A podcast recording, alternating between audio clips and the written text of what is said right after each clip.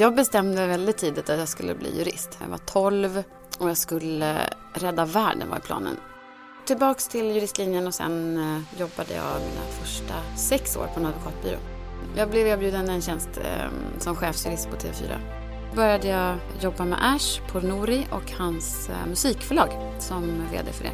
En bransch där någon serverar dem 74 miljoner användare. Här, vad gör man? Man dödar den.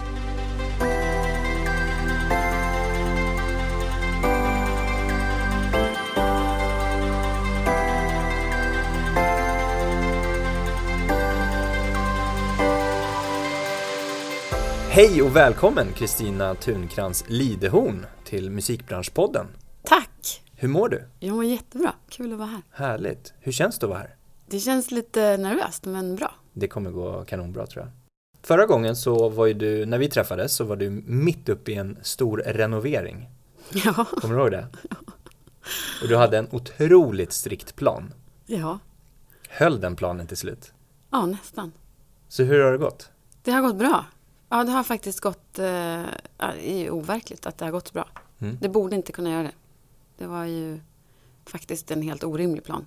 Fem veckors totalrenovering av ett hus. Så det var, ja, det var lite mäktigt faktiskt. Är du en sån som kan eh, fokusera på en sak i taget? Det vill säga, påverkade renoveringen ditt arbete? Jag tror jag är ganska mm, van vid att ha många, många projekt som löper samtidigt. Jag har jobbat som advokat i många år.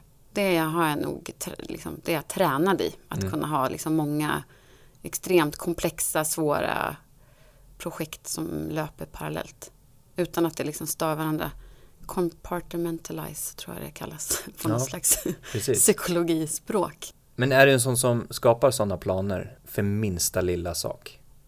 Nej, inte minsta lilla. Nej. Men stå, liksom, projekt som jag vet behöver lite ex, liksom, som där det inte funkar att man bara tar upp uppstuds. Liksom. Mm.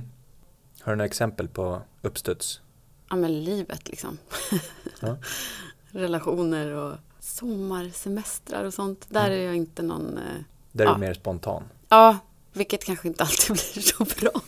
För då kan det ju bli så att alla resor är slutsålda. Ska du resa någonstans snart? Nej, jag kom på det här när valet var. Att jag tänkte, undra om det var sista gången jag var i USA senast.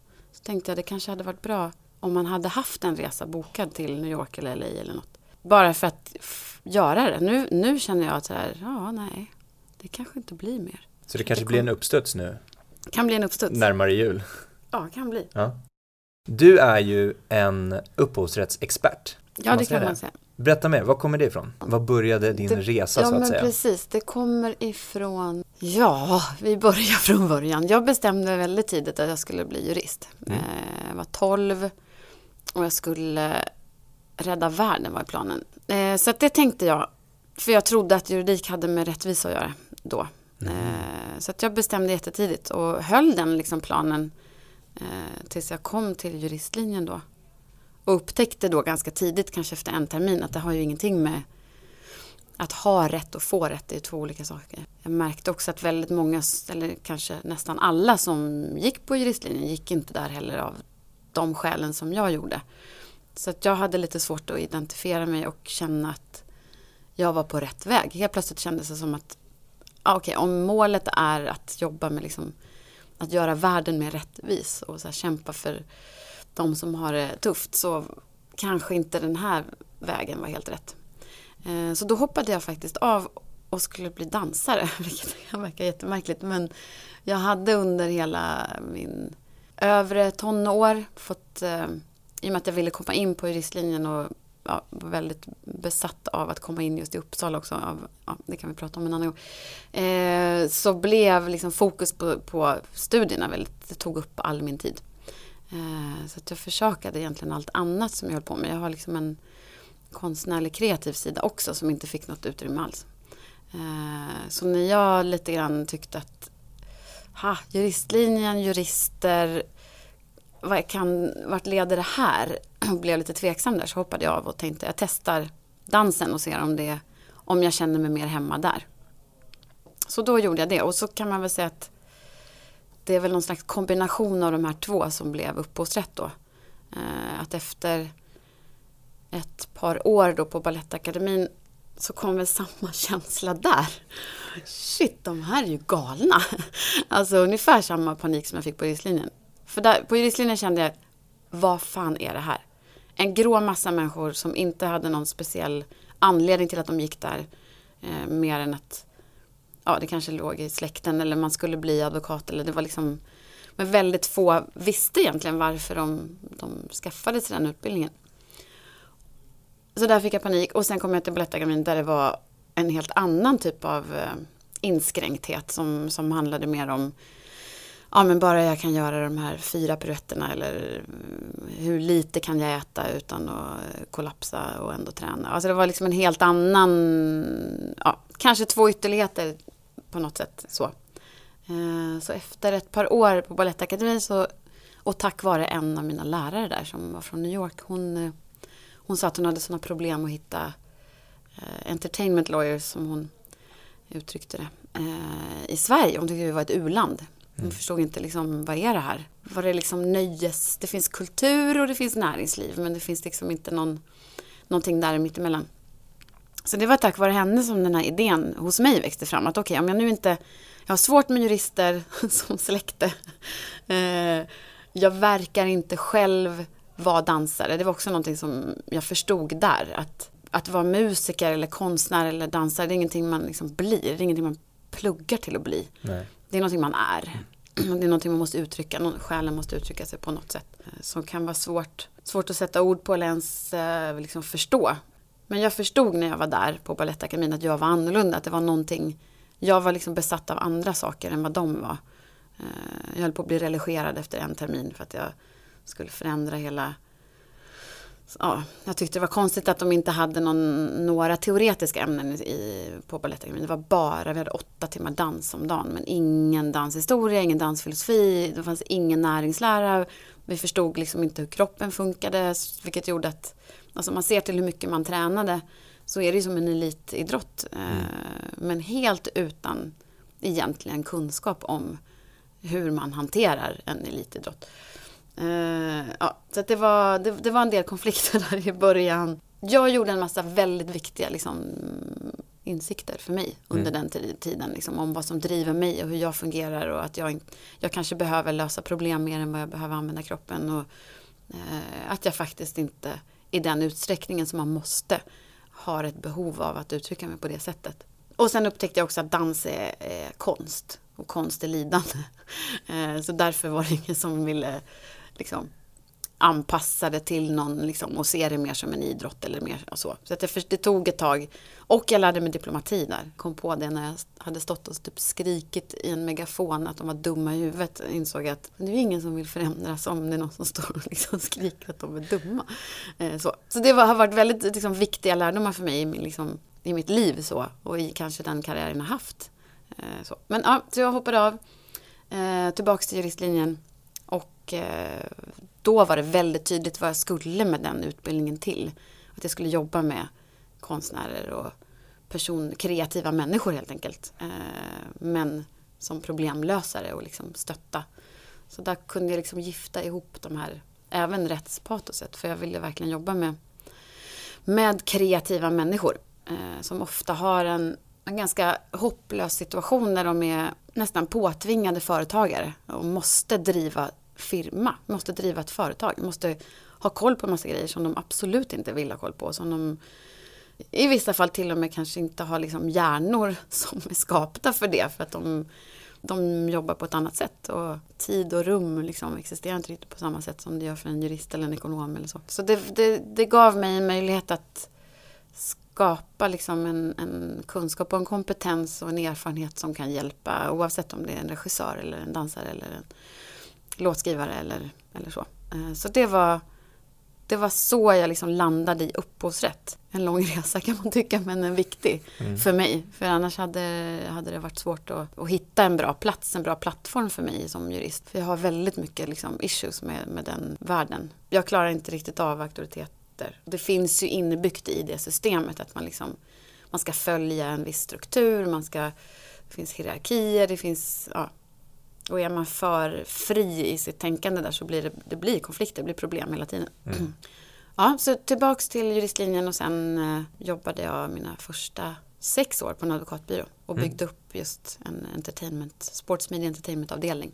Du blev anställd Ja, på den advokatbyrån. Som någon Mm. som, junior? ja, då från början var jag var helt nyexad så att jag var trainee då. Men jag hade gjort en affärsplan, femårsplan. För dig själv? för byrån, för, för den här inriktningen som jag tyckte att de eh, behövde bli bättre på. Ja. Eh, Och egentligen Sverige behövde bli bättre på. Var det så du fick jobbet? Nej, det tror jag inte. Jag tror, jag tror inte de tog det på jättestort allvar. Jag tror de tänkte så här, "Ah, ja, här har vi en 24, vad man nu är, 24-åring som kommer med en femårsplan för våran verksamhet och aldrig jobbat på advokat. Alltså det är klart att de tänkte, ja, ja, det var väl gulligt kanske. Mm. Eh, utan det var, jag hade jobbat där eh, på kvällarna, pendlat från Uppsala ner till Stockholm eh, och suttit i receptionen på kvällarna och svarat i telefon. Okej. Eh, Så att jag hade liksom jobbat, men jag hade inga kontakter i liksom den världen. Och man får inte jobb där om man inte har det.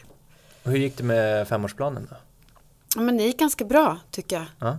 Vi skulle haft ett kontor i New York i och för sig då. Det hade vi inte. Nej. Eh, Men jag hade varit i New York och jobbat i ett par månader. Så jag hade i alla fall fått Oj, då var det lite uppleva. av din Ja, egna li- lite, del där. Ja, ja, men det gick bra. Det, det, det gjorde det verkligen. Och varför slutade du där efter sex år? Nej men jag blev, eh, dels så hade jag ju fått min advokattitel, jag hade liksom jobbat upp min klientstock, jag hade min egen verksamhet eh, som flöt på väldigt bra. Eh, så jag behövde egentligen inte någon. Och sen blev jag väldigt trött på jurister, extremt trött på jurister. Det är en väldigt speciell miljö. Men man är kanske dels, de som söker sig till juristlinjen kanske är också en viss typ av personer. Sen tänker ni att man under fem år verkligen så här jobbar på ett visst typ av, ja men jobbar upp ett visst sätt att tänka. Man, misstag är ju ingenting som man håller på med som jurist. Och det där att, att det finns en viss rädsla att göra fel, det finns en, en kultur av att ja, man bara ska ha stenkoll på allt hela tiden. Och där, det blir nästan som en neuros. Alltså det finns väldigt mycket perfektionister och eh, så, liksom arbetsnarkomaner i den här gruppen. Och det tror jag beror just på att man under så många år jobbar med en viss del av hjärnan och ett visst Mm. sätt att lösa problem. Eh, så att man sen nästan blir lite okänslig för, för annat. Vilket jag gillar ju liksom det entreprenöriella med advokatyrket. Jag älskar att man aldrig vet när man går upp på morgonen vad man ska, vilken bransch man kommer lära känna, vilken typ av eh, människor man kommer få jobba med. Eh, det finns en väldigt tillfredsställelse i det att man aldrig, det blir aldrig tråkigt.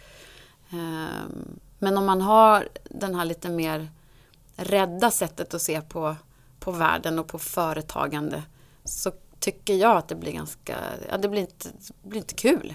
Man tappar glädjen om man går till jobbet och är liksom inte glad. Och för att kunna utvecklas och, och växa måste man ju ta risker, då måste man våga, man måste ha mod och integritet. Och det, det kunde jag känna var lite sådär. Så då körde jag eget ett tag. Mm. Eh, tog med mig mina klienter. Och, Hade du börjat jobba då med upphovsrätten och Ja, det gjorde jag från början. Ja.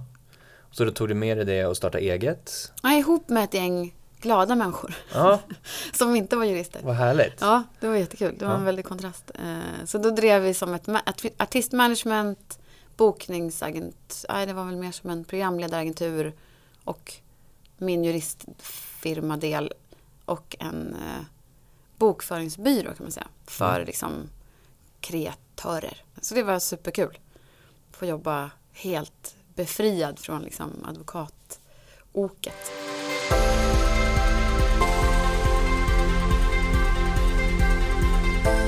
Vill du förklara lite hur ni jobbade i den här äh, kreativa företaget? Som du sa, ni hade management, ni hade juridikdelen, ehm, Mm. agenturdel Mm. till viss del. Alltså hur jobbade ni med en akt till exempel? Eller en låtskrivare? Det var väldigt utifrån, alltså väldigt mycket utifrån den personens behov. Så att det berodde helt och hållet. Vissa jobbade kanske jag bara med på juridiksidan. Någon kanske alla jobbade med alla delarna. Och då hade man ju möjlighet att kunna liksom, jobba mycket, mycket mer. eh, Alltså synergierna blev ju betydligt större när man hade liksom både management, liksom juridiken och bokföringen. Då kunde man ju jobba på ett bättre sätt, mer långsiktigt. Det behövde inte vara så. Det kunde ju absolut vara så att vi hade någon på management som, som hade sin bokföringsdel del någon annanstans och sådär. Eh, men det blev en, väl, det blev en väldigt familjär liksom, känsla. Mm. Det var väldigt så att vi var en... Ja, man höll ihop och man stöttade varandra i alla delar. Det blev liksom ett bredare, bredare rådgivning än vad det kanske hade varit om, ja, om jag hade varit kvar på advokatbyrån.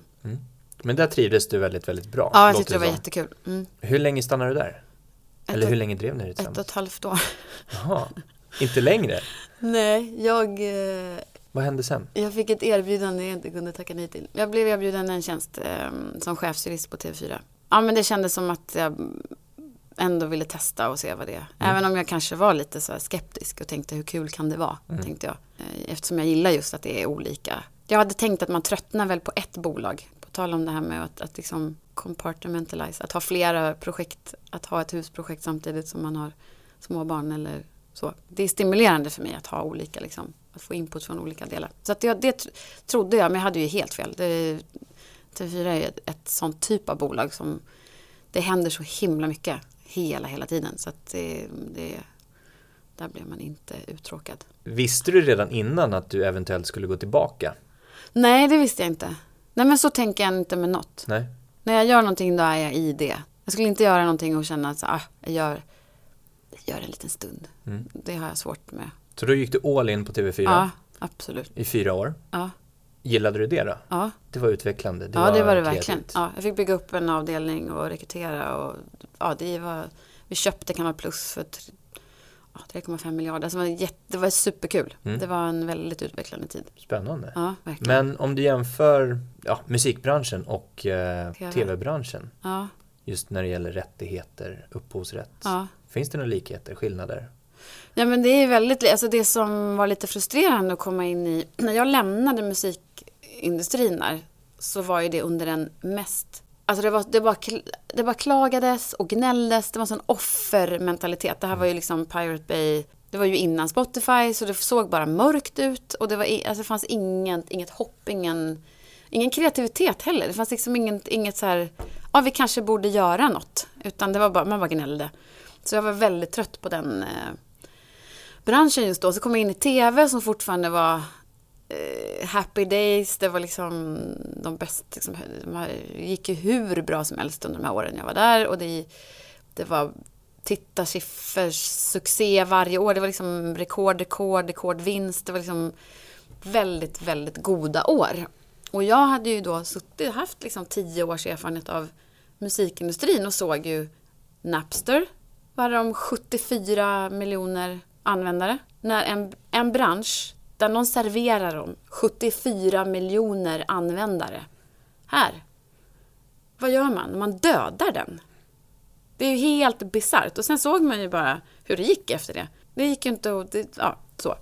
Eh, och sen kom jag då in i TV och har liksom sett det här. Den här vägen är ingen bra väg. Eh, den bästa tiden att, liksom, att jobba på en ny, ett nytt sätt att, att liksom leverera TV på är ju under högkonjunktur. Inte när, när det är total panik och alla bara liksom springer runt som yrehöns. Hade lite svårt att få gehör för det. Jag tror att det är, liksom, det är väl mänskligt att man, man förändras inte förrän det gör riktigt ont. Mm. När man verkligen måste. Är väldigt svårt att göra det när, när det liksom går, går lite för bra, det är mysigt, det är härligt. Lite lätt att slå sig själv på ryggen, lite som att ja, men det är nog vi som gör någonting unikt eller bra eller så. Man nöjer sig men allt annat utvecklas, då borde ju vi också Mm. göra det. Annars blir vi omsprungna av konkurrenter Mm. eller av ny teknik eller you name it. Ja, och nu är det ju så brutalt så att nu, nu bara den här tipping pointen, har, den kommer ju från ingenstans. Jag tycker det man, förut kunde man ändå se trender och man, det var ändå någon slags... Nu händer det bara. Det är, bara, det är på så kort tid som det bara dör. Mm. Så, att, eh, så det finns absolut likheter mellan de här två mm, branscherna. Och upphovsrätten är ju, liksom, den är ju gemensam för, den är ju inte branschspecifik så. Men sen, vi nämnde att du skulle komma tillbaka, vi hoppade lite i förväg där. Ja, och då kom det. du tillbaka till musikbranschen. Ja, eller jag kom tillbaka till advokatbranschen. Och innan det, hur Eh, kommer det sig då? Ja, men då var det ju igen någon som tyckte att jag skulle göra något. Eh, så att jag fick fråga om jag ville bli eh, delägare på en stor advokatbyrå. Mm. som heter Cederqvist och de jobbar mycket inom media, IT, upphovsrätt. Eh, så där fick jag möjlighet att börja ja, men att gå tillbaka till advokatbranschen men som delägare, att också bygga upp någonting. Och där kunde jag liksom jobba igen med liksom musikbranschen. Fast den, den gången blev det snarare på andra sidan. Jobbade Mhm. mycket med stora bolag och den typen av klienter. Men sen Sen, kom du tillbaka till musikbranschen. sen var jag tillbaka, precis, jag var ju nog väldigt mycket i musikbranschen under de åren på byrån också. Ja. Eh, Men eh, sen kom det där igen, den där känslan som jag fick under, på första advokatbyrån där. Ja, men lite det här entreprenören i mig som tycker att det borde gå att göra mer, bättre. Och advokatbranschen generellt är ju i stort behov av en liksom, produktutveckling och så. Så det, det skulle ju behövas. Men jag kände att det kan, den kanske inte riktigt var mogen eh, för det. Eh, ja, så då började jag jobba med Ash på Nori och hans eh, musikförlag som vd för det. Och eh, det heter Pyramid eller PRMD. Så det har varit jätteroligt att få jobba operativt i musikbranschen. Och just med låtskrivare som jag tycker är, ja, det är liksom essensen på något sätt, kärnan. Det är där, utan dem så finns det ju ingenting.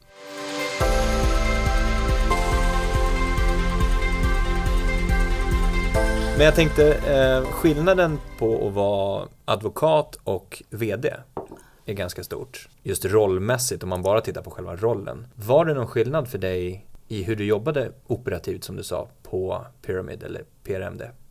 Ja, alltså det är ju det är såklart en väsensskillnad när det gäller vad man gör. Mm, precis. I och med att man inte, som advokat så gör man ju timmar. Mm, Det är ju det man gör. Att någon betalar för ens tid. mm. Så det är klart att, att själva liksom vadet, men huret tycker jag inte är så stor skillnad. Alltså vad, som advokat och som delägare så är du chef, du har eh, personal, det handlar om att de ska må bra så att de kan jobba bra. Eh, Det handlar om ett fungerande team. Eh, Det handlar om att sätta upp en plan på samma sätt som man gör som VD för hur man ska liksom bli framgångsrik i det, i det man gör. Så att jag, jag tycker inte att det är så stor skillnad i hur man jobbar. Trivdes du bra där på PRMD? Absolut, det är fantastiska människor. Ja. Riktigt begåvade låtskrivare. Jag tänkte, vi träffades ju tidigare i höstas, Mm. tre månader sedan kom vi fram till Mm. ungefär. Eh, där vi pratade utveckling av vår utbildning, Music Business Developer på DMG Education. Kommer du ihåg att vi pratade mycket om okunskapen som du också varit inne på nu i branschen kring just upphovsrätten och hur det fungerar, flödet av pengar och att folk inte riktigt har koll på eh, utövande artist eller låtskrivare till exempel, bara en Mm. sån sak. Vad, vad tror du att en sån okunskap kan bero på egentligen? Den tror jag beror på människorna som är i branschen. Jag tror att utbildningsnivån är extremt låg. Det tror jag beror på flera olika saker. Eh, framförallt tror jag att det som attraherar folk till branschen är andra saker än knivskarpa, komplexa liksom, affärsmodeller och eh, sådär. Att man hela tiden ligger i framkant i hur man gör affärer eller det är liksom oftast så drivs folk in i det av helt andra känslomässiga skäl. Mm. Ehm, vilket gör, det är det som gör det så attraktivt även för mig att jobba med det. För att det är, det är just ett känslodrivet, det är, det är pa- passionerat på det sättet att man kan verkligen gå ganska långt för att, eh, för att man brinner för någonting. Och då, då är man beredd att göra nästan vad som helst. Och det är ju liksom fint. Men det kan också bli ett problem i en bransch när det, när det är ibland den enda drivkraften. Om man kanske väljer att bli manager eller jobba på ett bolag mest för att man brinner för musiken. Och det behövs, kommer alltid behövas. Men det, det blir problematiskt om alla positioner i hela musikindustrin, alltså det, all typ av homogenitet är problematisk. Och det är det som jag har haft problem med i advokatbranschen, juristyrket, att det är också för homogent. Det blir inte bra. Det är, liksom, det är bara att titta på inavel, vad händer med liksom avkomman? Mm. Not good, det blir inget bra. Eh, Och det är samma i musikbranschen, att det, det, det är för homogent. Eh, så att jag tror att det, det är en, ett av problemen. Sen är det mycket möjligt att det är kanske en för, lite för liten bransch också för att attrahera liksom, de allra vassaste på allt. Det kanske inte är tillräckligt utmanande och då blir det liksom någon slags nedåtgående spiral. Att det liksom mm. blir... Det skulle kunna vara mer utmanande och utvecklande för personer från andra bakgrunder. Men det är som att det behövs något slags skifte. Mm. Eh, där man inte bygger en ny där man inte bygger en artist på samma sätt som man har byggt en artist. Utan man gör något helt, helt nytt. Och då kanske det krävs att det kommer människor helt utifrån och inte är liksom skadade eller liksom tvättade i den här gamla skolan och det gamla sättet att göra. Mm. Och att då kanske inte lära sig av musikbranschen. Nej. Precis. Det är väl där det ofta kan bli felet, ja. att man snubblar in på en position till exempel, ja. eller man känner rätt person. Det där är en skön kille, vi tar in honom som ja. anställd. Han kan utvecklas här på företaget. Men att man inte riktigt har någon specifik plan på företaget kring kompetensutveckling Nej. och hur man ska jobba med nya affärsmodeller till exempel. Det är en omogen, outvecklad bransch fortfarande, trots mm. att den inte borde vara det. Vad kan man göra åt det då? Alltså jag, jag tror det är väldigt svårt för etablerade bolag att göra någonting åt det om de inte har extremt modiga ledare, liksom, chefer. Som vågar ta in personer som blir obekvämt. Det blir obekvämt. Det, blir, det skaver, det blir jobbigt, det är någon som ifrågasätter. Eh, och det kräver mod och integritet. Och det är, om man bara tittar på hur svenska musikindustrin ser ut, vilka som sitter på toppositionerna, så har ju de suttit, de bara byter jobb med varandra. Det är ju liksom, det är inte okej. Det blir ju ingen utveckling då. Där tror jag det är svårt, utan då är det väl snarare liksom personer och bolag som utmanar som kan göra någonting.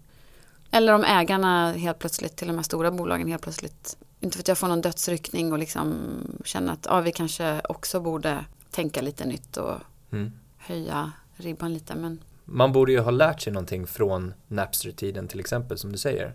Det har ju återhämtat sig lite grann nu men att liksom nöja sig som vi sa, det, det är inte nog. Utan man måste fortsätta utvecklas om man ska hänga med. Kolla bara på dataspelsbranschen.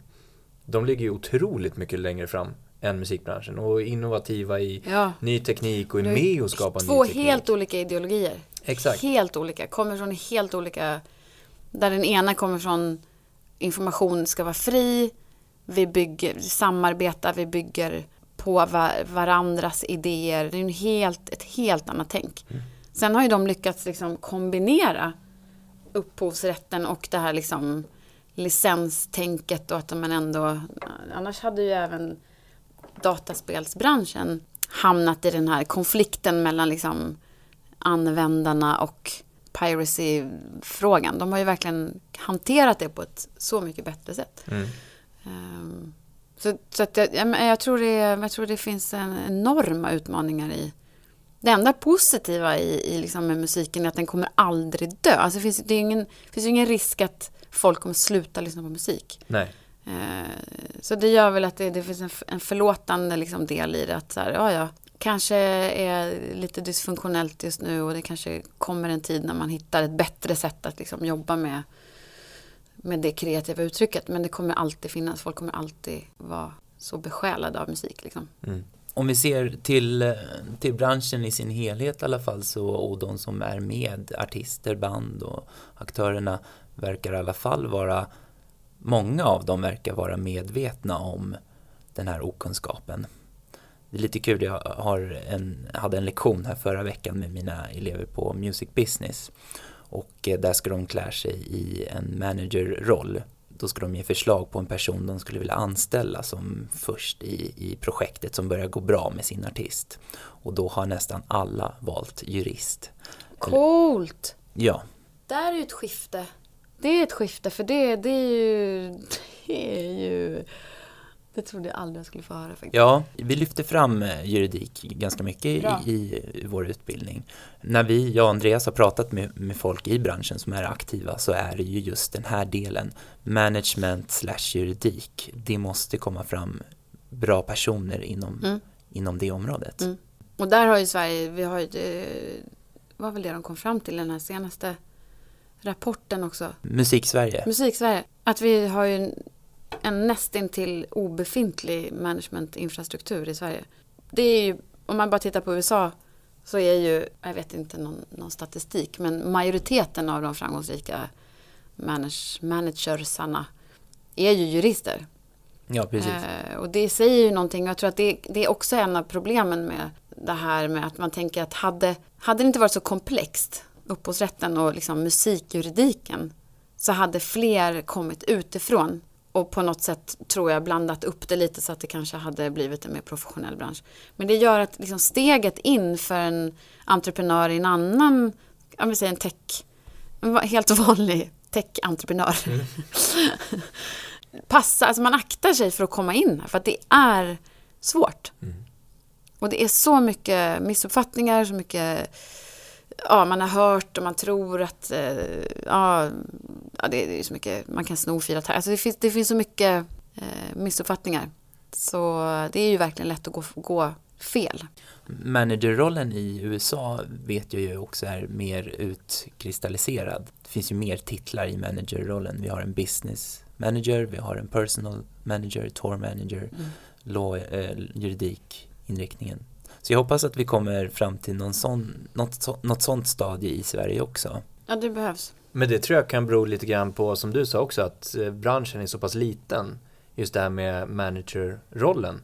Jag pratar med andra om det också, just att det inte finns utrymme för det. Det finns inte utrymme för att starta en managementbyrå med eh, x antal anställda eller eh, konsultande managers under.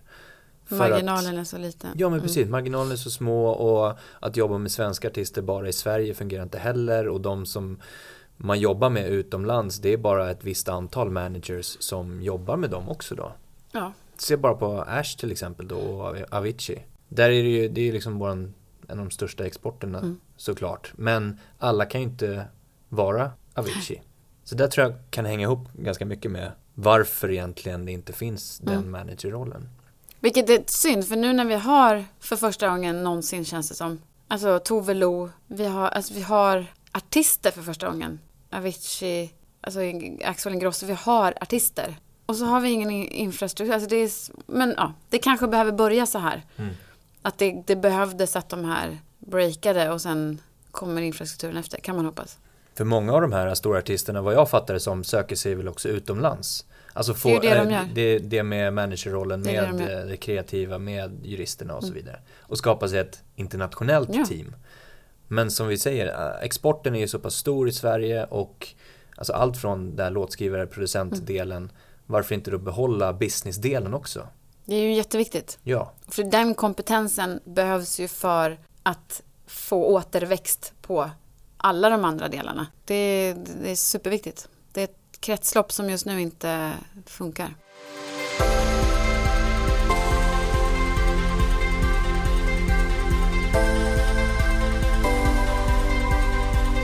Om vi går in på vad du tror musikbranschen kommer ställas inför för förändringar framöver? I Sverige tror jag liksom kompetens, eh, alltså inflödet av kompetens i talang och liksom infrastruktur. Mm.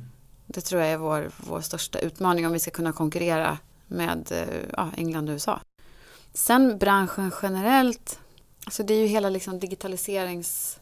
Men all, det är ingenting specif egentligen specifikt längre för, för musikindustrin. Alla går ju igenom det nu, det är ju som ett stort... Mm. Och det är ju inte ens längre en, en, en issue, det är, det är ju som digitaliseringen, ja, så, ja den är redan förbi, alltså den har redan hänt. Man ser ju redan att det blir, vi får liksom en, en smalare och en smalare kunskap för att vi blir mer och mer instängda i rör.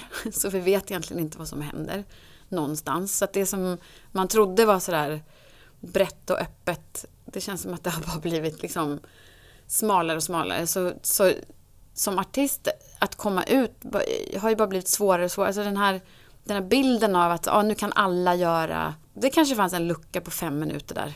Mm. När alla kunde så här, skaffa en laptop och så här, ge, ge ut sin musik. Men det, det kommer ju bara bli svårare och svårare.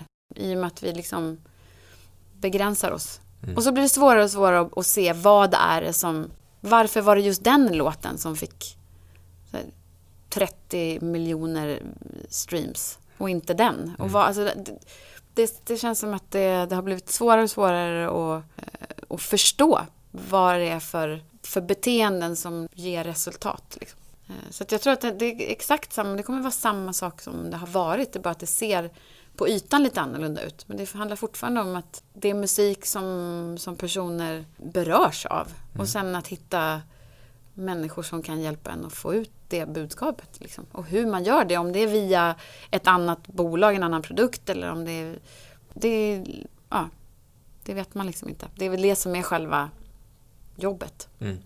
Men om du får önska, din högsta önskan, hur skulle du, du vilja att musikbranschen ser ut?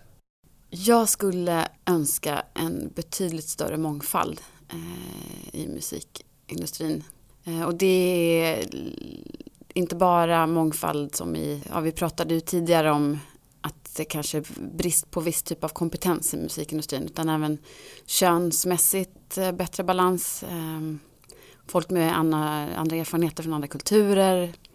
Eh, överhuvudtaget en större mångfald. Det tror jag skulle berika och verkligen driva på den förändring som behövs för att, för att musikindustrin ska hålla. Och jag har ett, hjärt- en hjärtefråga också i det här och det är som jag tror kan förändra på, på riktigt är att få in fler kvinnliga producenter. Producentrollen är ju verkligen en, en, eh, en dold, en, som en dold maktfaktor i musikindustrin som man inte pratar så mycket om. Eh, och där är det på tok för homogent idag. Det måste in eh, fler tjejer. Och det, det är så många kvinnor som producerar inom situationstecken men som inte kallar sig för producenter. De gör kanske inte det tekniska, själva skruvandet men är som regissörer till en film. Alltså de vet exakt hur det ska låta och har en extremt eh, eh tydlig vision för, för eh, sitt, sitt producentskap. Men tar inte den platsen, kanske inte eh, ser sig själva som producenter på det sättet. Så där tror jag att man kan eh, förändra mycket om man eh, ja, hjälps åt att förändra och släppa fram och trycka på där. Det skulle jag önska mig.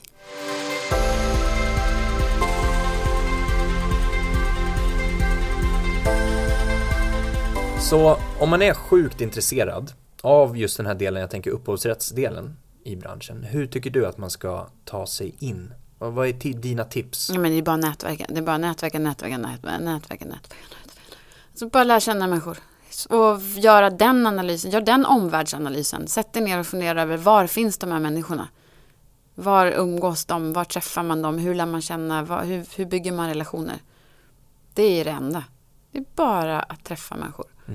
Skicka mejl, ring, gå på, bara gör. Bara liksom ge inte upp. Är det så man också kan lära sig? Jag tänker någonstans måste du ha grundläggande kunskaper eller liknande.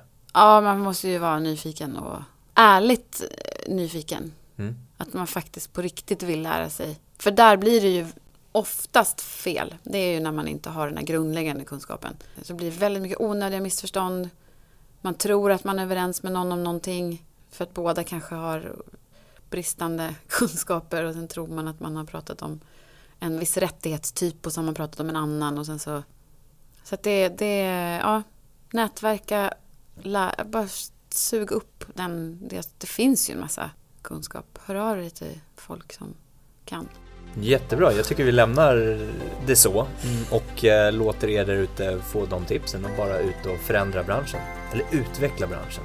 Som vi Ta gillar över Ta över branschen. Så det finns alla möjligheter att vara med. Jättekul att prata med dig Kristina. Ja, men det var trevligt. Jättekul att Kul. ha dig med. Stort tack. Tack själv.